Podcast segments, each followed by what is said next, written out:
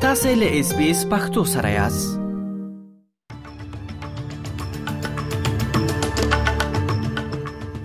د خبرونو سرټکی د بومي استرالیانو پارلمان کې غږ شاملولو لپاره چې د روان کال پای کې یو ټول پښتنه تر سره کیږي د هغې خلاف ډلې هغې خپل کمپاین پر رسمي ډول پیل کړ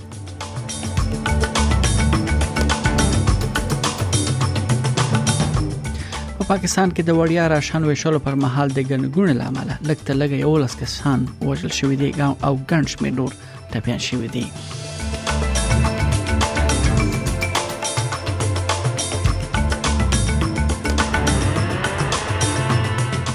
بلخوا جرمني د افغان کډوالو د منلو بهیر د لړمحال لپاره درولای دی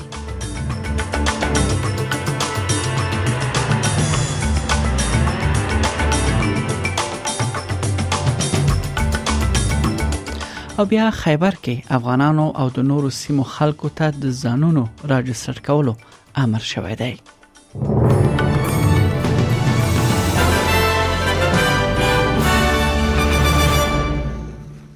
او دا هم بشپړ خبرونه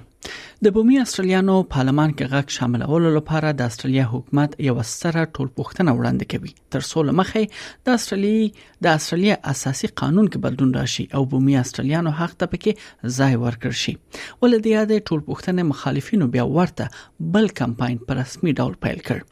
یو ډله چې وایي په اساسي قانون کې د استرالیا د اصلي خلکو په پیژندلو باندې دوی باور لري مګر وایي چې پارلمان ته د غږ کمپاین لري باید دا تر سره نشي د Recognize a Better Way ګروپ یو له هغو ګروپونو څخه ده چې په اساسي قانون کې پارلمان ته د بومي استرالیانو غږ ثبتولو وړاندیز پر خلاف کمپاین کوي د پخوانی سیاستوال او مشاور وان مونډن په مشرۍ په دې ډله کې سناتوره پاولن هانسن او د نېشنل ګوند په خوانی مشر بانبي جويس شامل دي چې په دې غونډه کې هم برخه اخیسته لومړي وزیر انټونی البنيزي ویل دي چې دغه ریفرندم یا ټول پښتنه به د روان کال د اکتوبر او دسمبر میاشتو ترمنځ تر سره شي بلخوا په پاکستان کې د وړیا راشن ویشلو پر مهال د ګڼګونې لامل لږ تر لږه یو لس کسان وژل شوې دي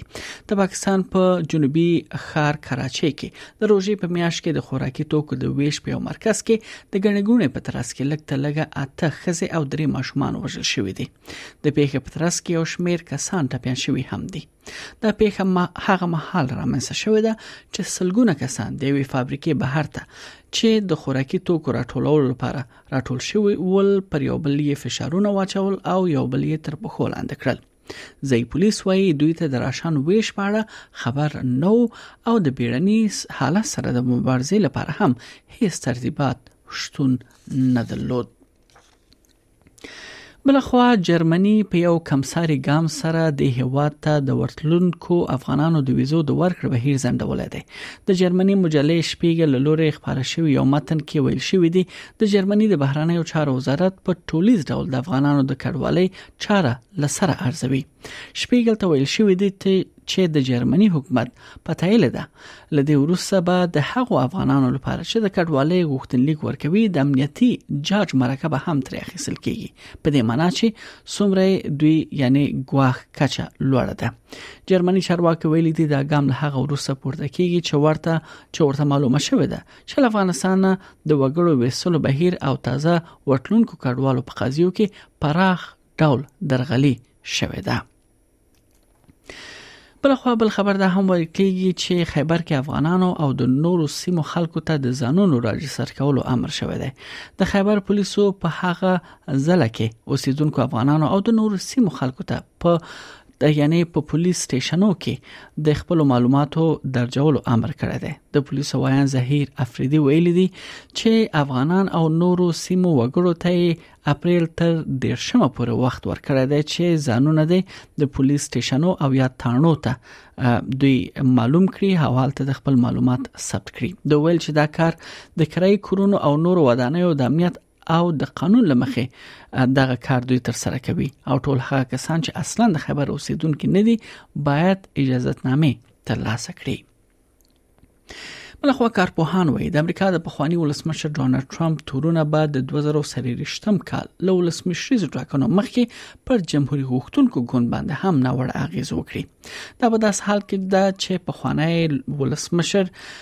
د منهاتن جوري یا محکمې لخوا تورن شوی دی او ټاکل شوی دی چې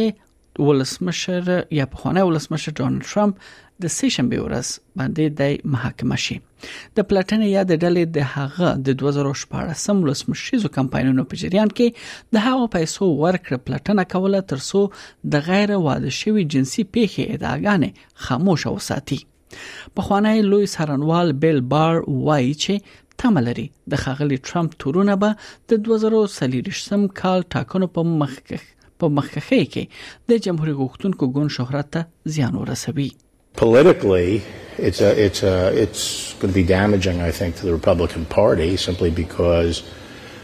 I think it's, it's a no lose situation for the Democrats. I think they're actually, I think the, the impetus is really to help Trump get the nomination,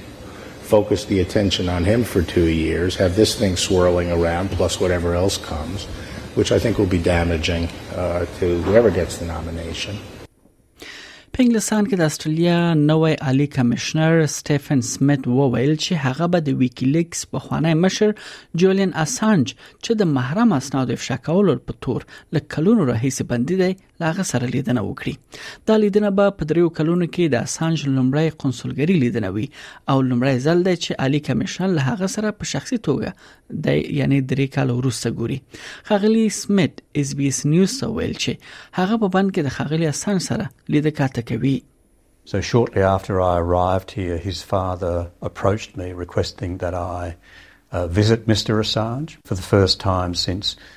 the end of 2019 he has indicated that he is prepared to consent to a visit by an Australian official that just happens to be me. I'm very pleased about that because it enables us to get a line of sight on him, which we haven't had for effectively three years. د ملګرو ملتونو پخوانی سرمنشي بانکی مون د نړۍ پر مشرانو غږ کړی دی چې د نړیوالو ستونزو د حل لپاره باید دوی نوې ملګرتیاوې جوړې کړي تیر اونۍ د اسیا لپاره د باو فورم کې د وینا پر مهال خغلی بانکی مون ویل چې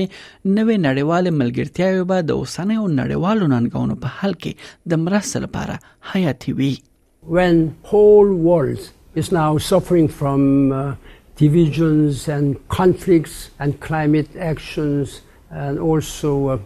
uh, still. So there are a lot of issues which we have to deal with. I really count on the leaders of the world, be they political or business or civil society leaders. Mm -hmm. We have to work together بي اف ای خپل کلنی کنفرانس د سهشنبې څخه تر جمعې پورې د سویلي چین د هاینان ولایت په ساحلي ښار باو کې تر سره کړ دا لومړی ځل دی چې د بي اف ای کلنی کنفرانس د کووډ 19 وبا له پیل راهیسې په مخامخ توګه د خلکو حضور سره تر سره کیږي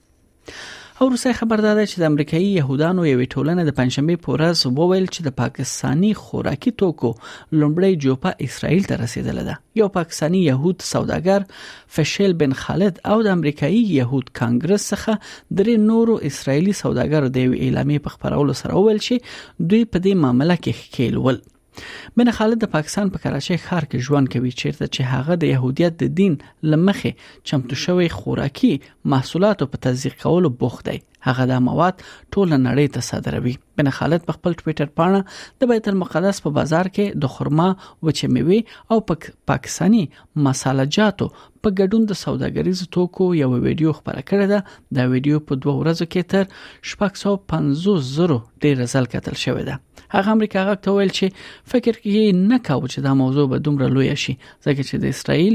یعنی پاکستانی محصولاتو لومړی صادرات کله نو لیدلی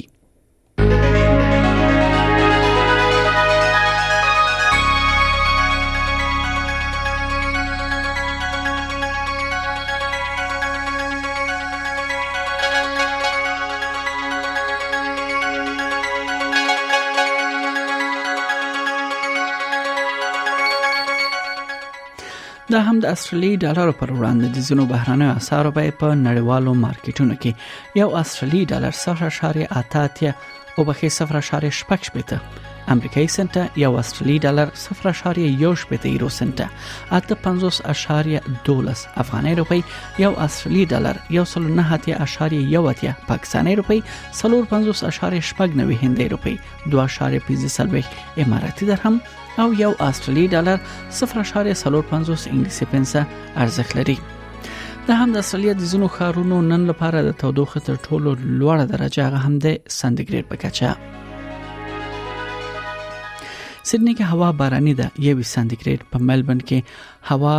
هلته هم باراني د 14 سانتیګریډ اټکل شوې ده لوړه درجه بلخوا برزبن کې اسمان برګ د 28 په پرت کې اسمان برګ 22 په اډلېټ کې اسمان برګ دی 19 په هوبرټ کې اسمان برګ ولس او په کمبيرا کې هوا باراني ده 19 او په اخر کې داروین حال د هوا لمریزه ده او د تودوخه تر ټولو لوړه درجه 40 سانتیګریډ اټکل شوې ده